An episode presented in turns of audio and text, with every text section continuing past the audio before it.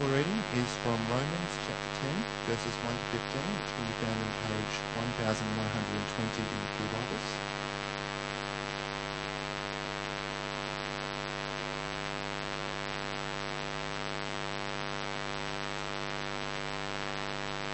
It's Romans chapter 10, verses 1 to 15.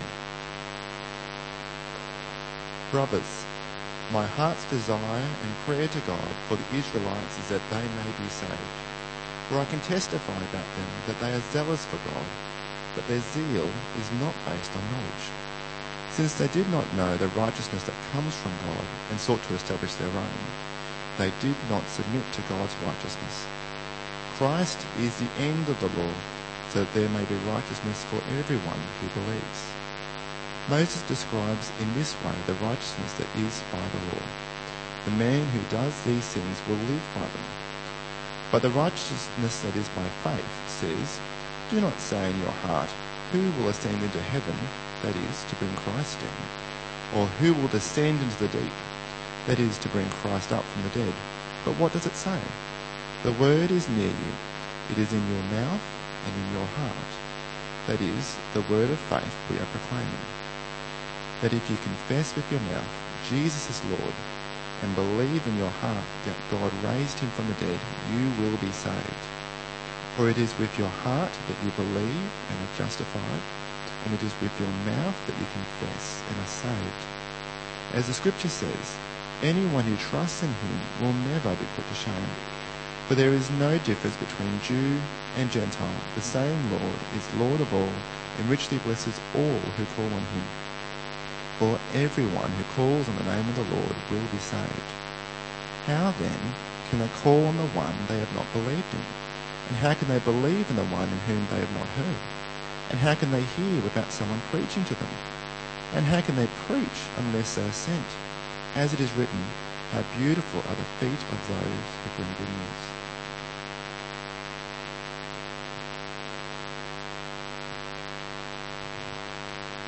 Thank you, Nick. I'm Mark Collins, and it's uh, wonderful to bring you God's Word today. Uh, where are we up to? Well, over the last three weeks, we've been looking at the mission impossible. But you and I know that the mission isn't impossible. Why isn't it possible? Well, it's possible because we have Jesus. We have His Word and we have the power of the Holy Spirit. The mission is possible, and I'm going to tell you a bit more about that mission today. But last week we heard from Robbie, didn't we? And we heard how you and I can grow a deep, vibrant, personal faith in Jesus. And how do we do that? Well, we do it through reading the Word. Simply start reading. If you haven't picked up the Bible before, there's an awesome opportunity with the Simply Start reading. Another way we grow is through serving. Through serving here at church, but also outside of church. It might be in the home situation. And today, we look at another outcome of why we want to grow as Christians. Why we want to grow as followers of Jesus. We grow so that we can reach wider. We grow so that we can reach wider. You and I don't grow for the sake of growth just to get a bit of knowledge in our head so we come up looking all smart. No, we grow because we have a mission. And our mission is to seek and save the lost. And our church wants to reach outside. Our church wants to reach wider. Our church wants to seek and save the lost in this area. Friends, a couple of weeks back, I noticed this new Mexican restaurant. You'll see it on the screen there. At the Home Hub across the road from Marsden Park. If you don't know, I'm planning a church next year in Marsden Park, so I'm sometimes in the area. Uh, but what got me, not the fact that I like Mexican food and I wouldn't mind checking that restaurant out, the fact was the sign. Can you read the sign there? Zambreros is Mexican with a mission. Now, reading that sign, I thought, I've got to check this out. So I went on their website And their website basically said they're not just a Mexican restaurant, but Zambreros is a humanitarian enterprise committed to tackling world hunger through its Plate for Plate initiative. What's Plate for Plate? Basically, if you go to Zambreros, you buy a burrito, uh, Zambreros will pay for a plate of food for someone who's starving in the developing world. So Zambreros has a mission, and its customers allow the mission to happen. If no one buys a burrito, no one in the developing world receives a plate of food. If that continues, no one buys burritos, then Zambreros goes out of business, and their mission is worthless. Their mission is worthless. Friends, we have a more important mission. And our mission is to make disciples. It's to make disciples. As Matthew 28, the start of verse 19 says, Therefore, go and make disciples of all nations. Now, these words aren't just for Jesus' followers there that day. They're for Jesus' followers all across time. These words are for you and me. They're for you and me. Because we are the witnesses. We are the ones that bring the good news. We are the ones that share this great message. Now, at this church, we have a vision. Can anyone remember our vision? I won't let, just think, just think. Our vision is sharing the new life of Jesus with the world. Sharing the new life of Jesus. And who are the world? Well, they're everyone, isn't it? We share the new life of Jesus to the person that lives next door to the church. The people who live in this growing northwest Blacktown area. The people in this city. The people in this country. And next week we'll hear a lot about for the people in the world when Tim comes and speaks to us. We want to be a community that are looking outward. We are looking outward to share the new life of Jesus. It's not just the pastor's job to do this, it's everyone's job to share the new life of Jesus. And we do it all together. We do it with God's help. Now, we so much want you as a leadership team to share the new life of Jesus that we've come up with a model to help you do this. And that model is called Simply Connect. It's on the screen there. We want everyone who trusts in Jesus in any of our congregations to simply connect through identifying, praying, blessing, and inviting someone take one step closer to new life found in Jesus. So what are we asking? We're asking you to think of one person. Now some people here might go, one person, that's a breeze, I'll think of three. If you can do that, that's great. One person, one person who, need, who needs to hear the new life of Jesus. Now I'll go through the model in detail a bit later, but now I want you to hear this. I want you to hear from Romans 10 that you are the people that bring the good news to the people that you know. You are the beautiful feet that brings the good news to people in the context where God has placed you. You are the beautiful feet. I know Naomi's got beautiful feet, but you also have beautiful feet, okay? You have beautiful feet. Now, we often hear Romans 10, 14 to 15 used as a passage to send out missionaries to faraway places.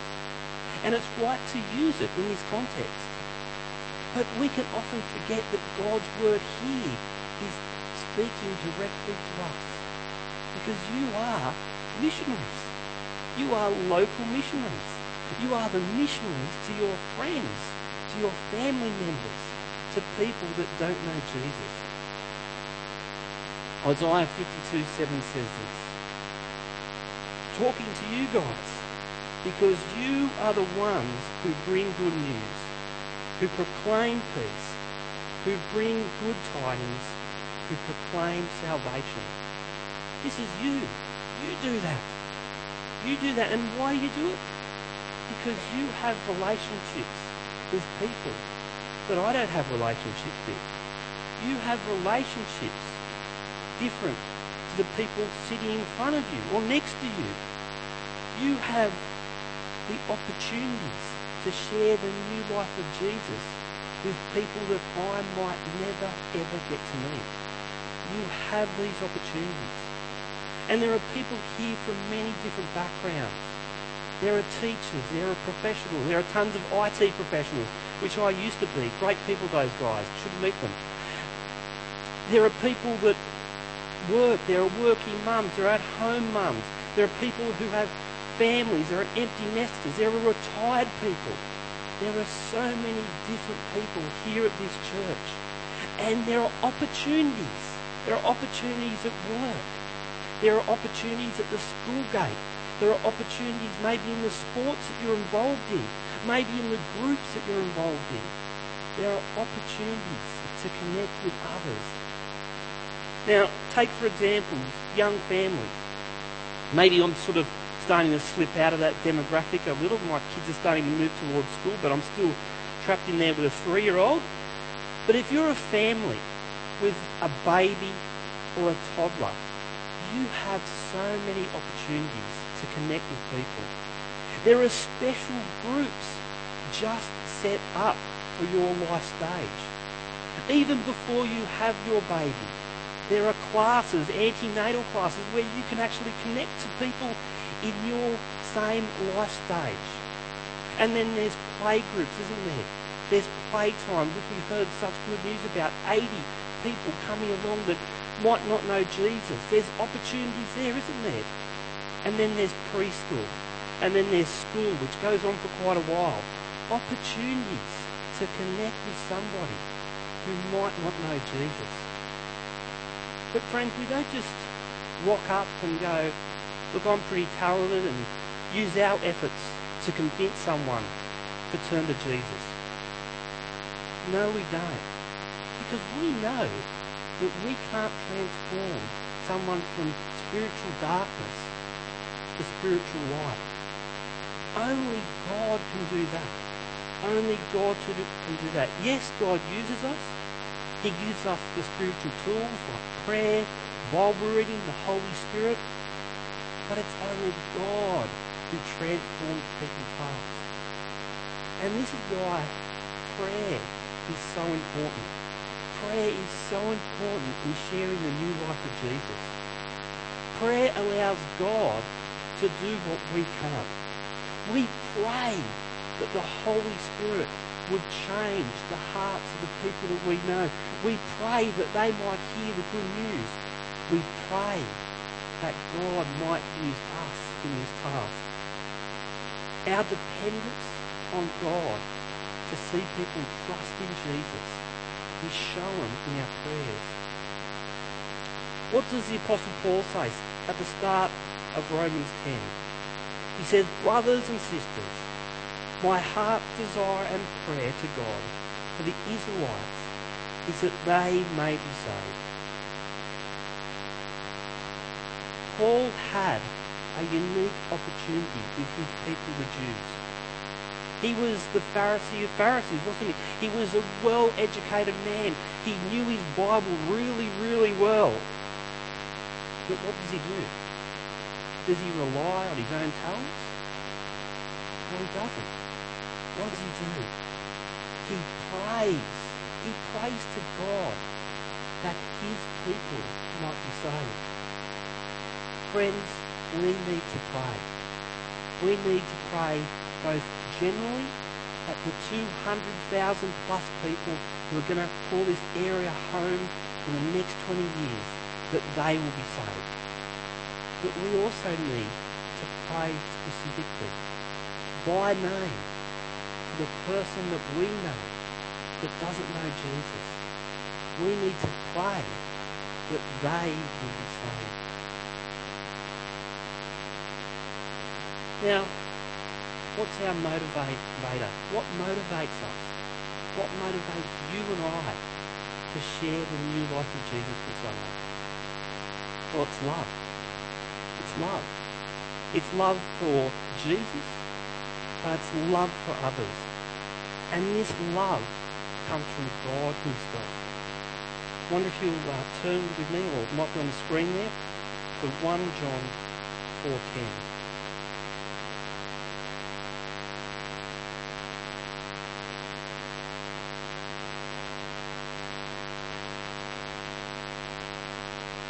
One John 4.10 says this. This is love. Not that we love God, but that he loved us and sent his Son as an atoning sacrifice for our sins. This is ultimate love. Ultimate love that God has demonstrated to us by sending his Son Jesus into the world to die on the cross for our sins, to rise again, to bring us forgiveness, to save us into eternity. This is the love that God has shown us. This is love in real action. Real action. Friends, our love for others must be seen in action. Our love to see them have the new life of Jesus. And seeing actually doing something about it. Seeing doing something about it. See, Paul's heart's desire, his passion was to see people saved. And that led him to pray first and then seek opportunities to share the gospel. A question. Are you growing more like Jesus in loving people? And is your love overflowing for them?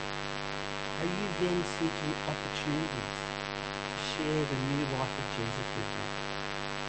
Friends, you are the beautiful fruit that brings the good news to friends, to family, to people at work, to go to school or uni, a school or uni mates, your community.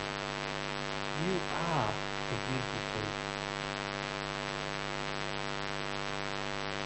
See, friends, we are so passionate here at Life Anglican about seeking and saving the lost. We don't simply want to fire Bible verses at you and say, get on and do it. No, we want to equip you. We want to equip you for this very important task. Friends, we know that there are heaps of people moving into this area. And this should be exciting for us. This should be seen as a real God-given opportunity to connect with those who don't know Jesus. We want you to be eager about this. We want it to be your passion to show love to people that don't know Jesus. So what have we done? Well, we've prayerfully and thoughtfully come up with the model that you see behind me on the screen. A model called Simply Connect that helps you and me to share the new life of Jesus through identifying, through praying, through blessing, and through inviting. Let me run through the model. So before I do this, have received a bookmark in your bulletin today. If you haven't, there's probably ones lying around. And this is just to remind you that we need to simply connect. Uh, in a few weeks' time, we'll be producing a booklet that maybe you want to run through with your uh, life group. And this gives a bit more detail on how you can simply connect with just one person that you know. But what's the first step? Well, it's identifying, isn't it? Now, I'm not sure if you think about how many people that you come in contact with during the week. You come in contact with people at work, might be customers, might be work colleagues. You come in contact with people down at the shops. Might be the checkout person at the Aldi. Might be family members. Might be others you play sports with who don't know Jesus. See, it's really interesting if we look in the Bible, and especially at John chapter 1, verses 41 to 42. What did Andrew do after he met Jesus? Well, he went and told his brother, didn't he? See, Andrew identified his brother as somebody who needed to hear about Jesus, somebody who needed to meet Jesus. Friends, ask yourself this question. Who can I get to know better?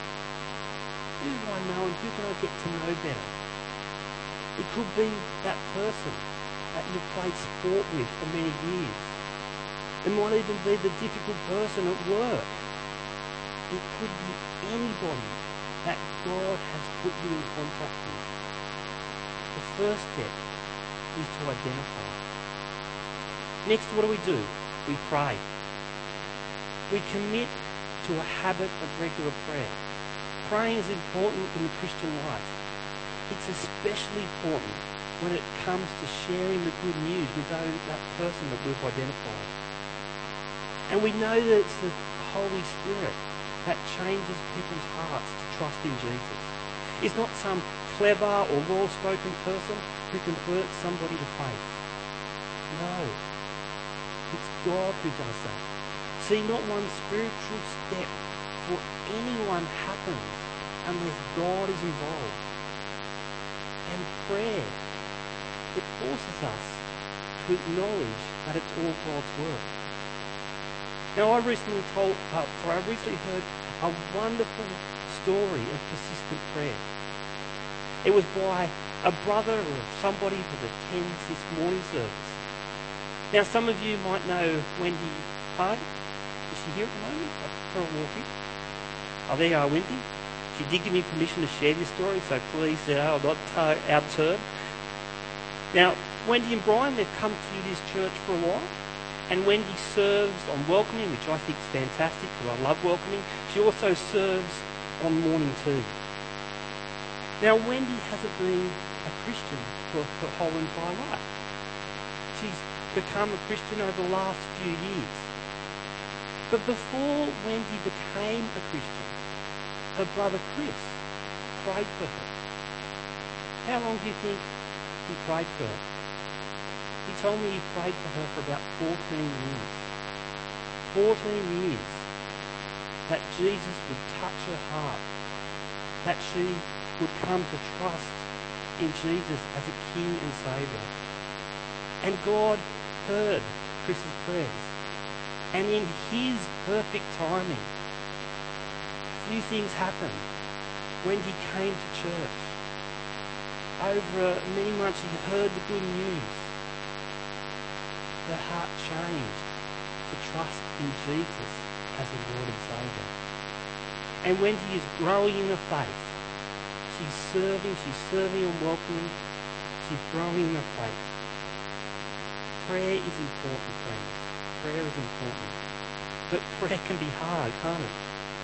Prayer can take time to be answered. It take 14 years. It might not be answered in the way we want it, so we get disheartened we can pray for a neighbour and nothing happens. We can become so disheartened and then just forget about praying at all. But maybe we just need to think about the way we're praying. Maybe it's not that God convert this person straight away. Maybe the simple prayer is just allow an opening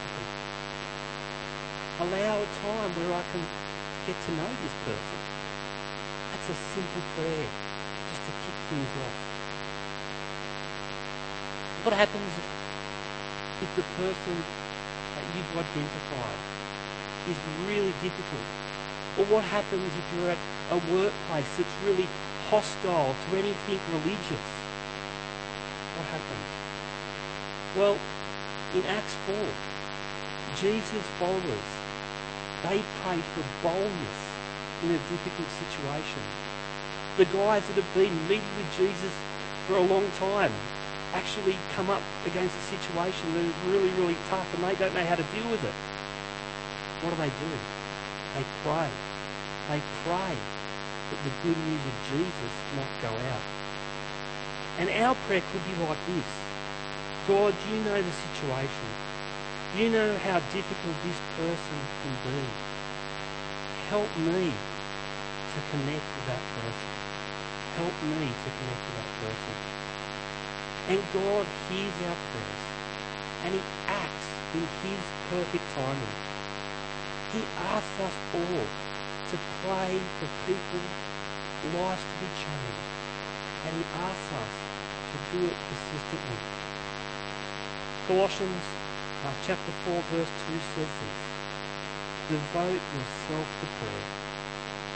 See, the priority is prayer before speaking. We speak to God about people in prayer before we speak to people about God. We speak to God about people in prayer before we speak to people about God. Pray that God will give you opportunities.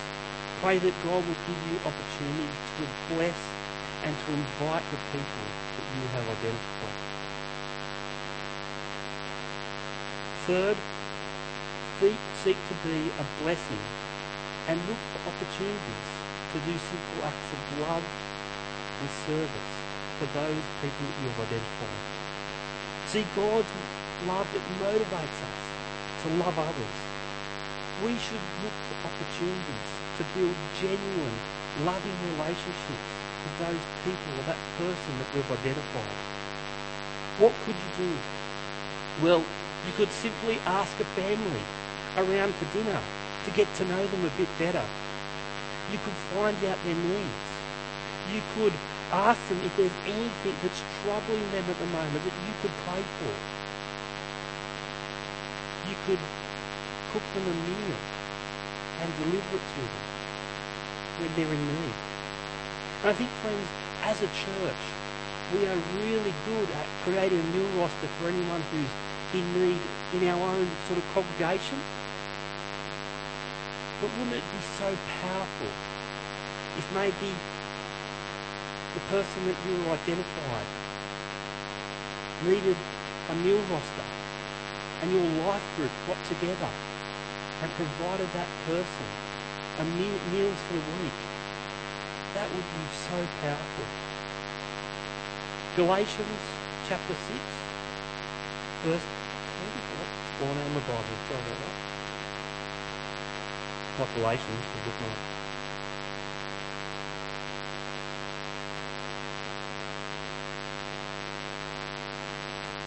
yeah, but I can't read from there. Galatians 6, verse 10. Therefore, as we have opportunity, let us do good for all people, especially to those who belong to a family of believers. So yes, family believers are important, but it's also about doing good to all people. Friends, look for opportunities to bless those people that you've identified and been praying for. Last, we invite. We invite. We look for opportunities to share the new life of Jesus and this could just be simply a positive experience that you've had at church. I came to church on Sunday and gee, the music was fantastic. I had a wonderful coffee with a friend out the front of church. It could be as simple as that. You could invite your friend to read the Bible with you. You could do simply start reading. You could read through Mark's Gospel and go, hey, this is great stuff. I know a friend that I can meet up with and read through Mark's Gospel with. It's not that hard. It's just about reading the Bible. Or what else could you do? Or you could invite your friends to the plugging courses that we run regularly here. Courses where they'll hear the good news of Jesus over a five-week time. There are plenty of opportunities to invite your friends. Take these opportunities to invite your the person you identify to an occasion or event where they will hear the good news. And you know what? They might say yes. They might have a legitimate excuse. It might take a number of goes. It might take many months, even years. Don't worry. Don't worry. God is it. We pray. And then we look for another opportunity to invite the person that we've identified. Now we need to think of ways to invite our friends that are personal. By now you would have related to your friend. You would have got to know them. You know what works and doesn't work. You need to think about that when you invite them. Because the truth is, friends, that people are responding to the invitation of Jesus every minute of every day around the world. People are responding to the message of Jesus. Don't listen to what the media tells you.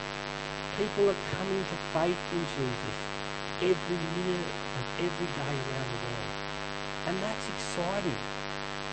You can do that. You can invite the person that you've identified to take one step closer to the new life found in Jesus. And why do we do this? Because we have the best message in the world. The message that Jesus is King and Saviour of the world. And He has saved us into an everlasting relationship with Him. That is an awesome message. And friends, we know that everyone who calls on the name of the Lord will be saved. And we know that you are the beautiful feet that share the good news with the people that you know. We know that Jesus has made you special. He's made you for a purpose. He wants you to share the new life of Jesus.